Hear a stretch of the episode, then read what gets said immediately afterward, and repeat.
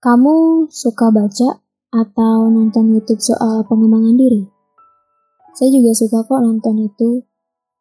Tapi kalau saya lebih suka baca bukunya. Buku saya itu kebanyakan tentang self-development atau self-help. Yang di mana itu sangat kebantu saya buat improve diri saya jadi lebih baik lagi. Tapi Problemnya ketika buku atau tontonan saya ini kebanyakan tentang self-help. Yang ngebuat saya terus uh, nyari-nyari penyemangat yang saya butuhin dari luar.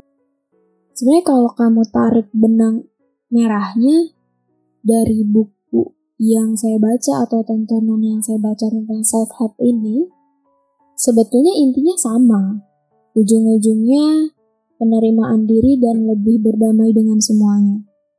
Tapi kalau udah terlalu banyak mengkonsumsi itu, ngebuat saya nggak ke mana-mana. Overthinking saya nggak mereda. Distraksi saya pun ya nggak berkurang juga. Saya tetap kayak butuh semangat dari luar gitu kebanyakan dari kita setelah ngebaca atau nonton YouTube self development ini nggak ngelakuin apa pun.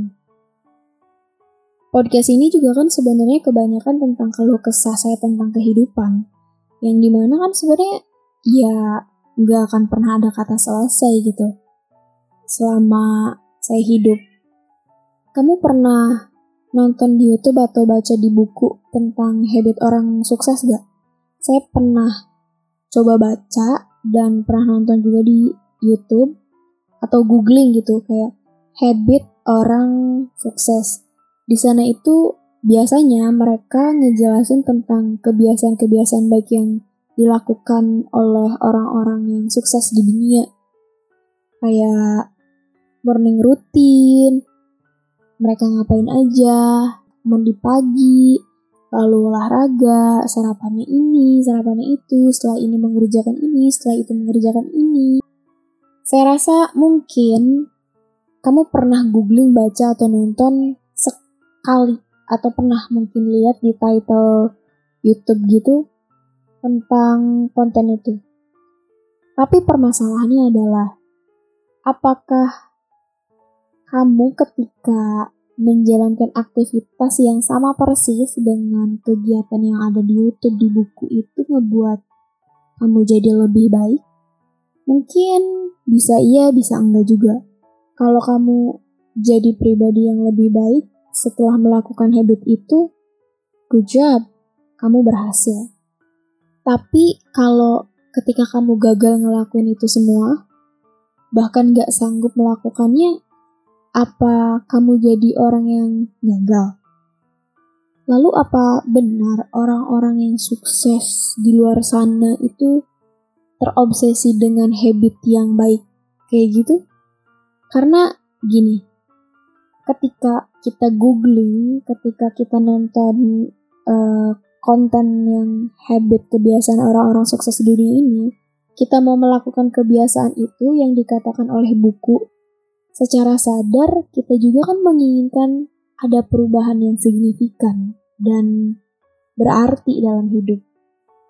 Tapi kalau ternyata ketika sudah melakukan habit tersebut selama satu bulan, setahun, dua tahun, tiga tahun, dan tidak terlalu mendapatkan perubahan yang berarti dan signifikan, gimana?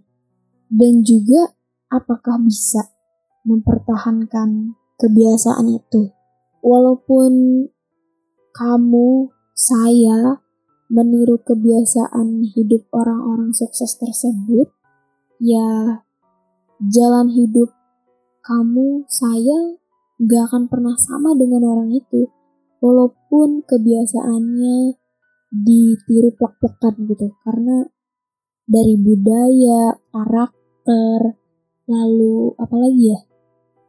Ekonomi mungkin lalu dari mindset itu udah bener-bener berbeda. Bukan berarti ketika melakukan hal yang sama dengan orang-orang sukses itu jadi uh, hidupnya akan seperti dia walaupun tidak seperti dia setidaknya sedikit uh, berdekatan dengan dia gitu. Ya nggak akan sama walaupun kamu mengikuti jejak jalannya dia hasilnya tetap akan beda